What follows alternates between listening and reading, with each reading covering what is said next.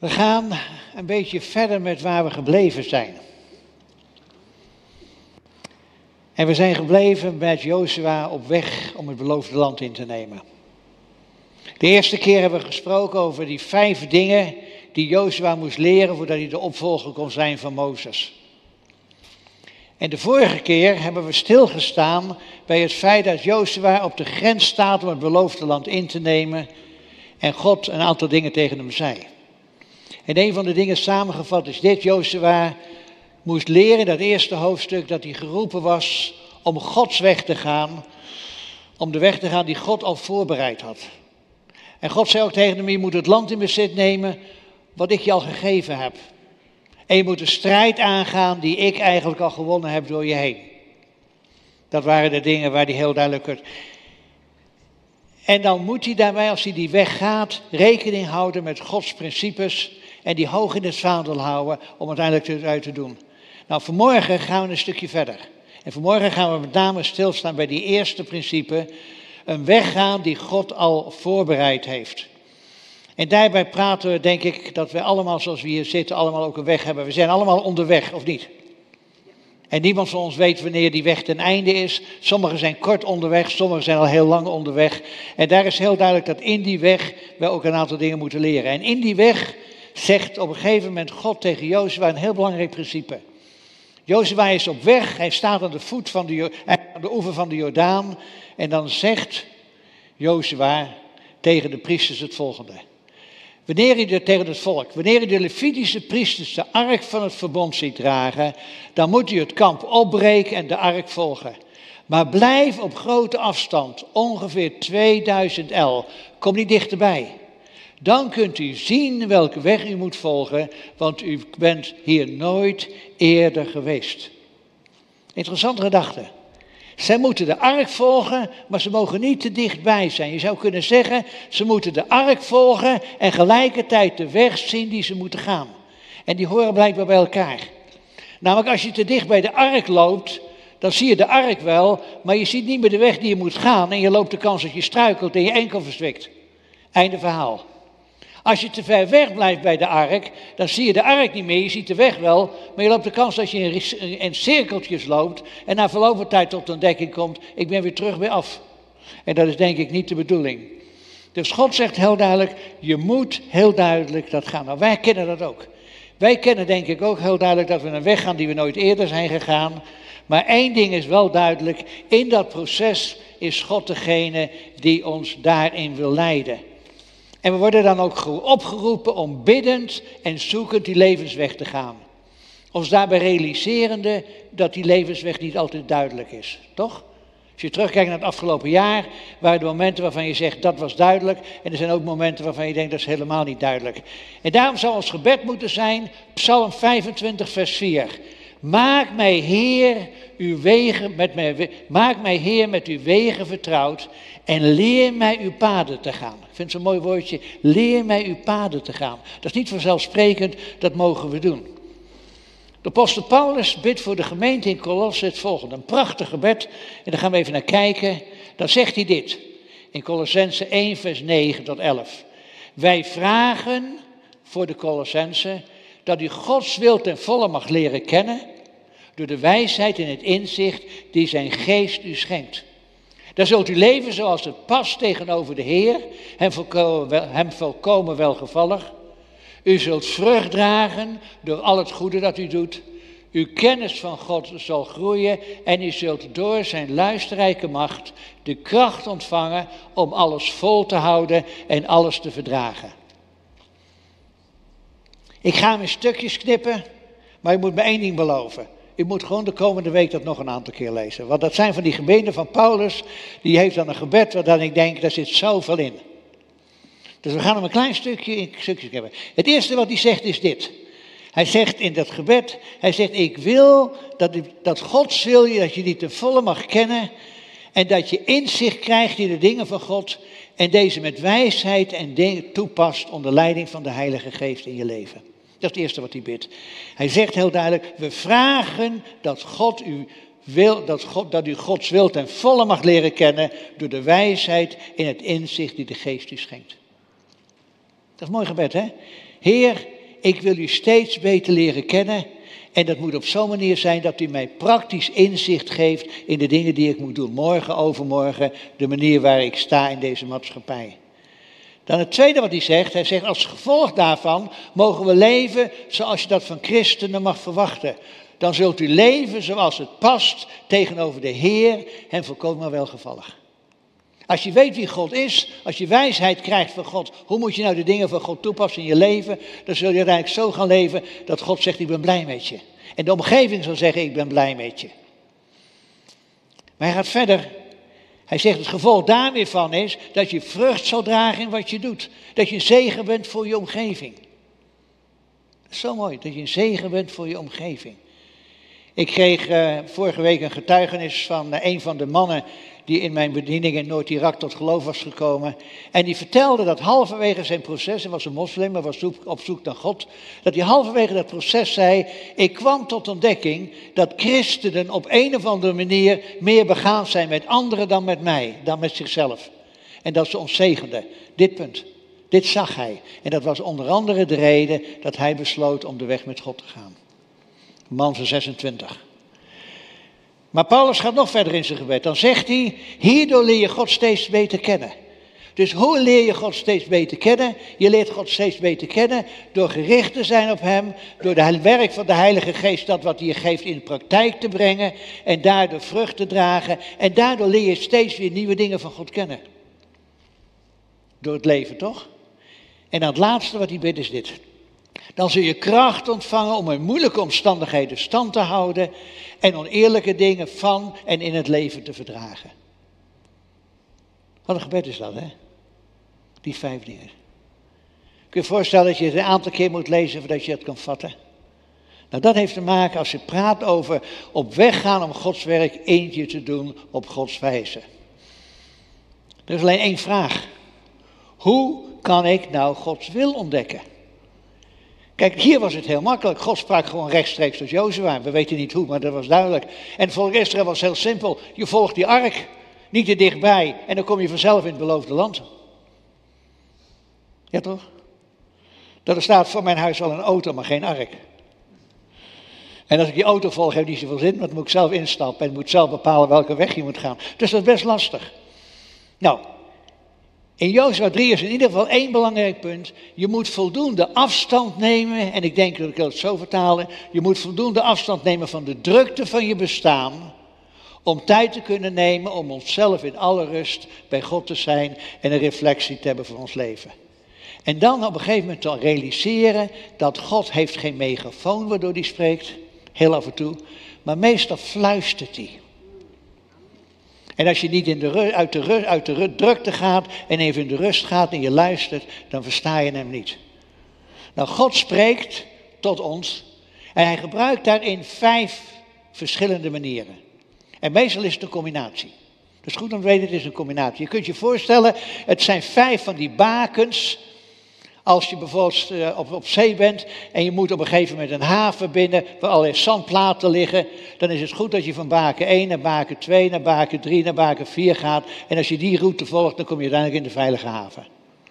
In dit geval zijn het alleen die vijf, worden door elkaar gebruikt. Het is niet van ik ga eerst één doen, dan twee doen, dan drie doen. God gebruikt die vijf bakens door elkaar heen. En dit is de eerste. Een heel duidelijk en heel simpele, het is Gods woord. En Gods woord is heel duidelijk, het staat vol met geboden en verboden. Als de Bijbel zegt, gij zult niet stelen, dan is het duidelijk, je moet van de spullen van een ander afblijven. Als de Bijbel zegt, gij zult niet liegen, dan is het heel simpel, je moet gewoon de waarheid vertellen. Dat is toch heel makkelijk? Dat zijn geboden. Hoef je niet heel lang over na te denken. En God heeft die gegeven omdat hij weet dat dat het beste voor je is. Als je zegen voor anderen wilt zijn, moet je de waarheid spreken. Als je zegen voor anderen wilt zijn, moet je inderdaad niet stelen. Dat is niet zo handig. Nou, het tweede is wat hij heeft, is principes. Een principe is een waarheid die heel duidelijk is, een basiswaarheid, die geldt voor iedereen in elke cultuur op elk moment. Ik zal je zo'n cultuur geven. Er is een heel simpel algemeen principe en dat is dat ouders moeten voor hun kinderen zorgen. Zorgen dat er veiligheid is en dat die kinderen een plek hebben waar ze veilig kunnen opgroeien, of niet? En kinderen hebben een basiswaarheid. Zij moeten leren om ouders te respecteren voor wie ze zijn, ook al zijn ze niet volmaakt. Dat is zo'n basiswaarheid, hè? En soms liggen die geboden en die verboden in het verlengde van elkaar. Het is Gods verlangen dat we Hem eren en groot maken, of niet? Maar het is gelijkertijd het eerste gebod. Gij zult de Heer uw God lief hebben met alles wat in u is. Dan zie je die combinatie daarin. Dus God spreekt door de Bijbel heen. Dan heb ik alleen één probleem. God vertelt mij dat het wijs is dat als ik Hem ken en ik een partner zoek, dat die ook een christen is. Maar het staat niet in de Bijbel waar ik hem vind. Toch? Heb ik nog een probleem. God vertelt mij dat ik zuiver moet zijn en eerlijk moet zijn, maar op mijn werk is het soms heel lastig. Hij vertelt me niet altijd hoe ik om moet gaan met die hele lastige collega. Behalve dat ik hem lief moet hebben. Maar verder hoe je dat moet doen, weet helpt hij me niet. Dus ik heb een tweede probleem. Ik heb op een gegeven moment, dat is ja, ik heb de Bijbel als richtlijn, maar hoe werkt dat dan? Nou, de Heer heeft ons nog iets gegeven. Hij heeft de geest gegeven. We hebben er net om gebeden. We hebben er net voor bezig. De Heilige Geest. En de Heilige Geest verstand, verlicht ons verstand. En die geeft ons ingevingen en gedachten.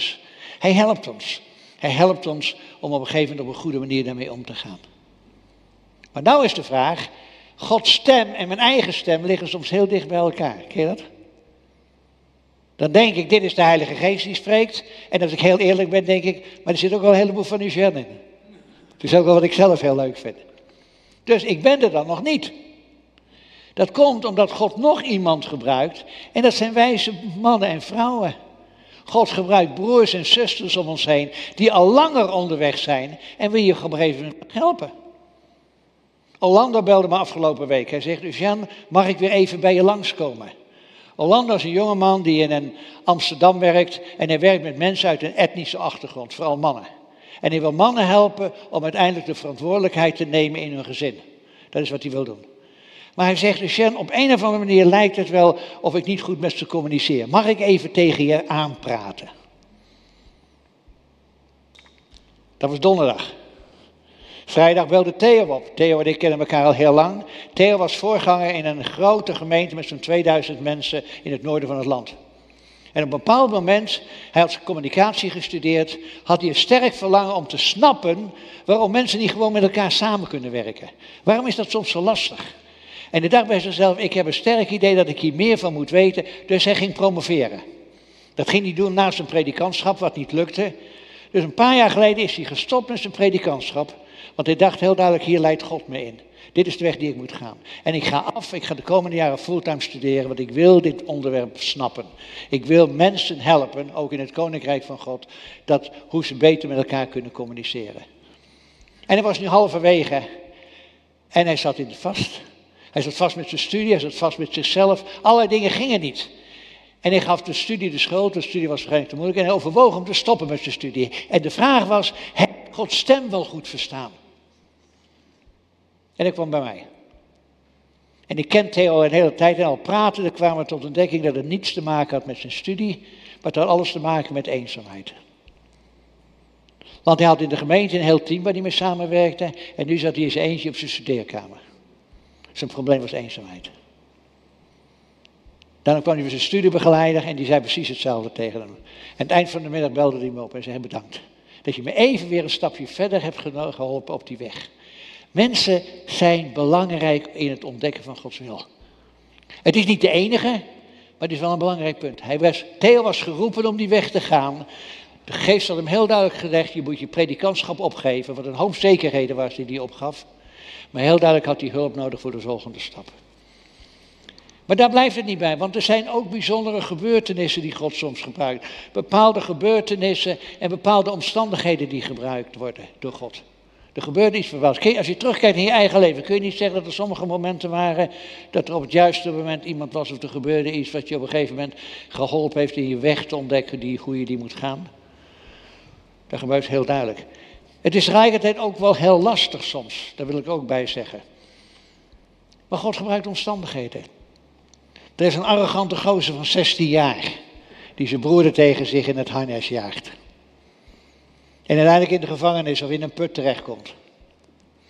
En uiteindelijk in de gevangenis terechtkomt, toch?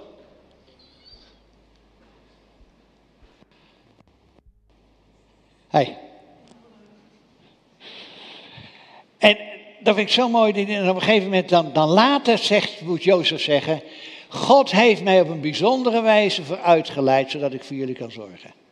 Dat dacht hij niet toen hij in de gevangenis zat. Dat dacht hij ook niet toen hij in de put zat. Maar uiteindelijk terugkijkend was dat de weg van God. God gebruikt een bepaalde omstandigheid. Hij gebruikt iets negatiefs in zijn leven, een arrogant karakter, om uiteindelijk iets positiefs uit te werken. Dus mensen die een beetje arrogant zijn, er is hoop. Er is hoop. Er is hoop.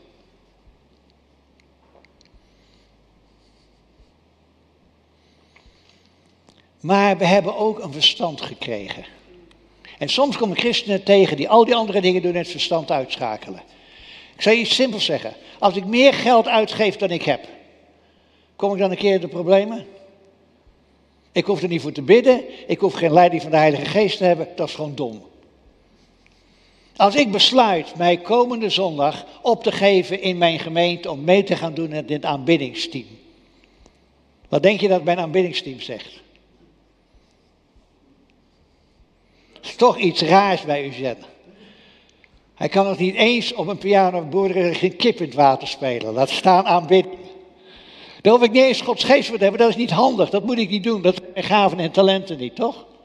Dus dat moet ik gewoon helemaal duidelijk niet doen. Ik moet gewoon heel duidelijk de dingen doen die God van mij vraagt.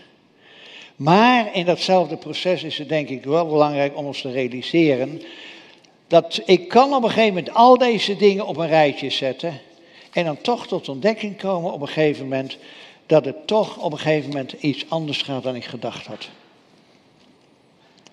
Ik blijf altijd de uitdaging krijgen om vandaag de volgende stap voor morgen te zetten. Ik heb nooit, weet ik wat, een maand, twee, drie maanden van tevoren gaat betekenen of niet. Die zekerheid heb je daardoor niet. Je moet soms je verstand ondergeschikt maken. Jozua had een uitdaging. God zei, trek de Jordaan over. Maar Heer, het is het verkeerde moment. Hij gezien hoeveel water er buiten de oever staat. Drie maanden wachten is veel logischer. Worden we minder nat. En God zegt, we gaan nu de Jordaan over. Dat is mijn probleem hoe je daar komt. Dus daarin is er soms wel een stukje strijd daarin dat dat kan zijn. Wat ik wel moet zeggen is, dat God vaak pas handelt op het moment dat jij de eerste stap zet.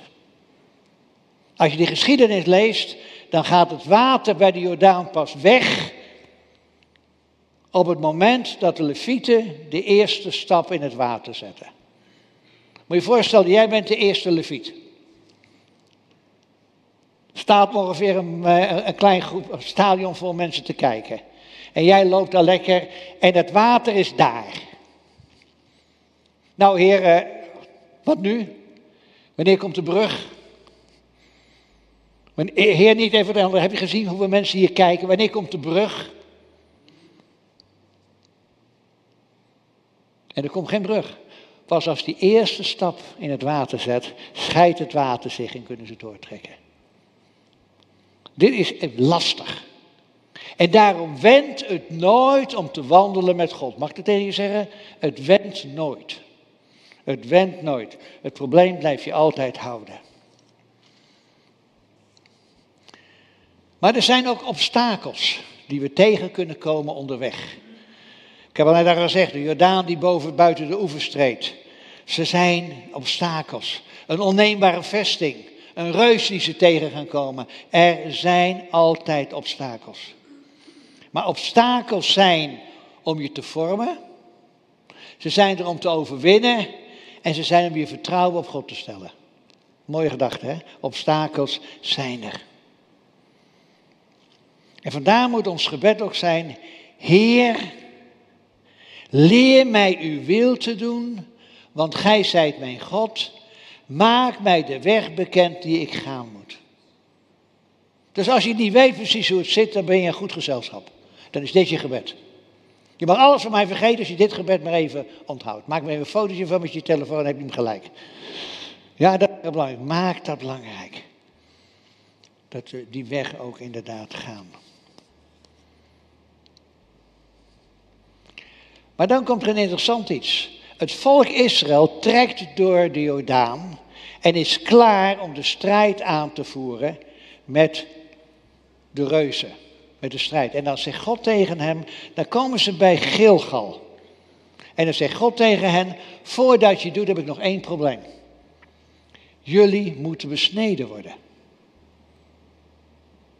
Jullie zijn in die woestijn nooit besneden geweest. Maar voordat je uiteindelijk die weg mag gaan, wil ik dat je doet wat ik je ooit opgedragen heb. En dat is dat je je laat besnijden.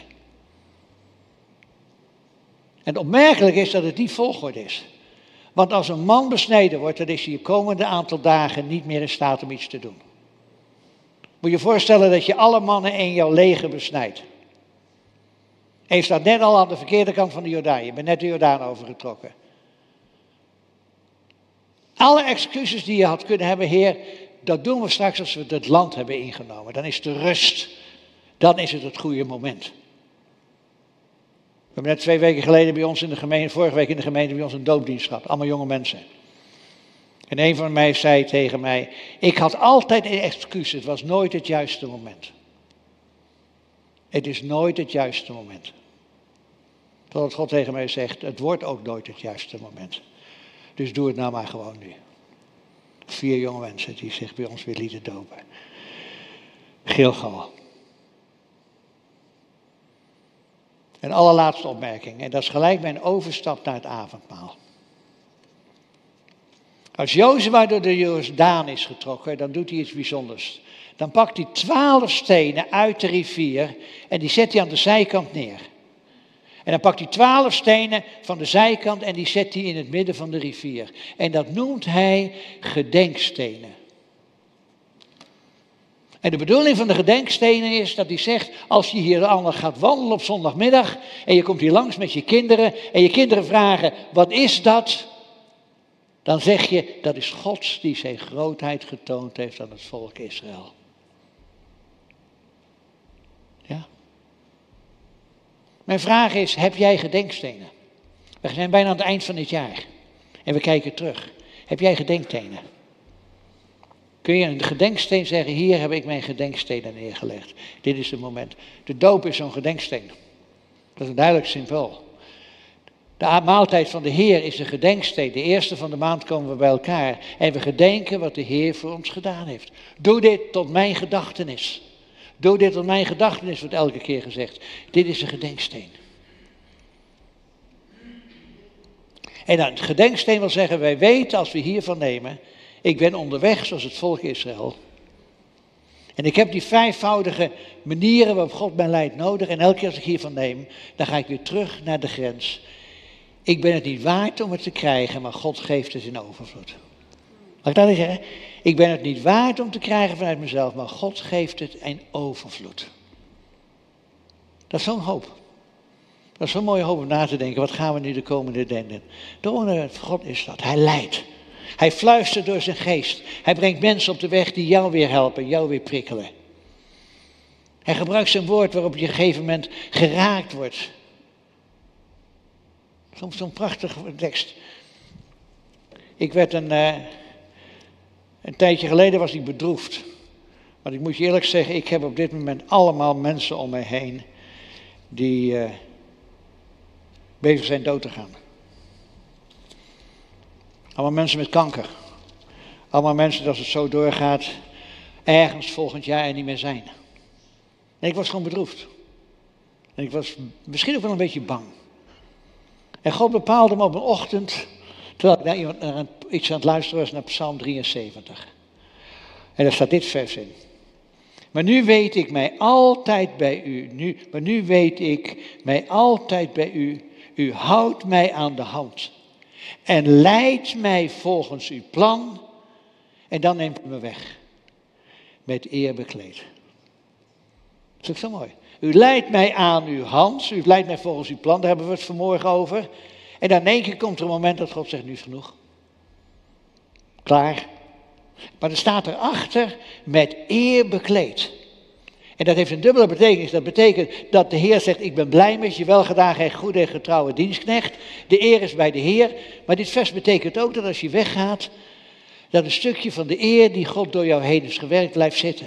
Dat mensen zeggen, hij was een voorbeeld voor mij. Wat ben ik blij dat ik hem heb leren kennen, want hij heeft mijn leven verrijkt. En toen was ik iets minder bedroefd rond mijn vrienden. Ze gaan naar de Heer, maar het past in zijn plan. Dit is zo'n vers waar je dan één keer mee bemoedigd wordt. Nou, dat is gewoon een voorbeeld wat, wat God tegen mij zegt. Heer, dat geef ik je even mee voor de komende tijd.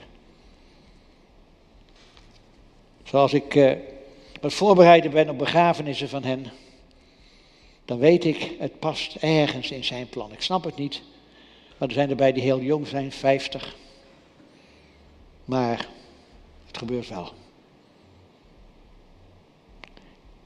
We gaan een moment stil zijn.